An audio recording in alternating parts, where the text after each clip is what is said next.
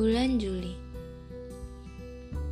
Bulan di mana perasaanku yang tiba-tiba aneh. Perasaanku yang tiba-tiba ingin menjauh dari semua orang. Perasaanku yang tiba-tiba bosan akan dunia ini.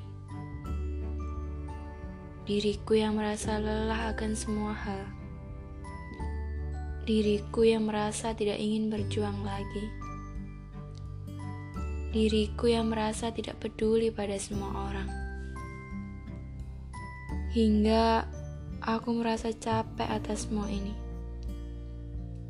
Sebenarnya, aku tahu tidak ada yang tahu bagaimana misteri perasaan yang tiba-tiba datang mengusik.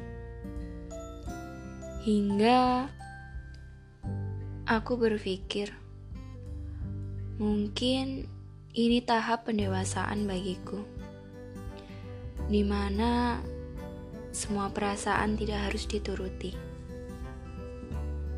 Ada perasaan yang mungkin harus dituruti, dan ada pula perasaan yang mungkin harus dikalahkan.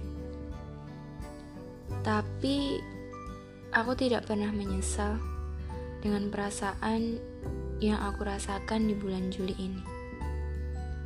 Aku bersyukur dengan adanya bulan Juli ini, aku mengetahui bagaimana sikap orang-orang padaku. Saat aku terbawa oleh perasaan dan sikap yang ada di bulan Juli ini.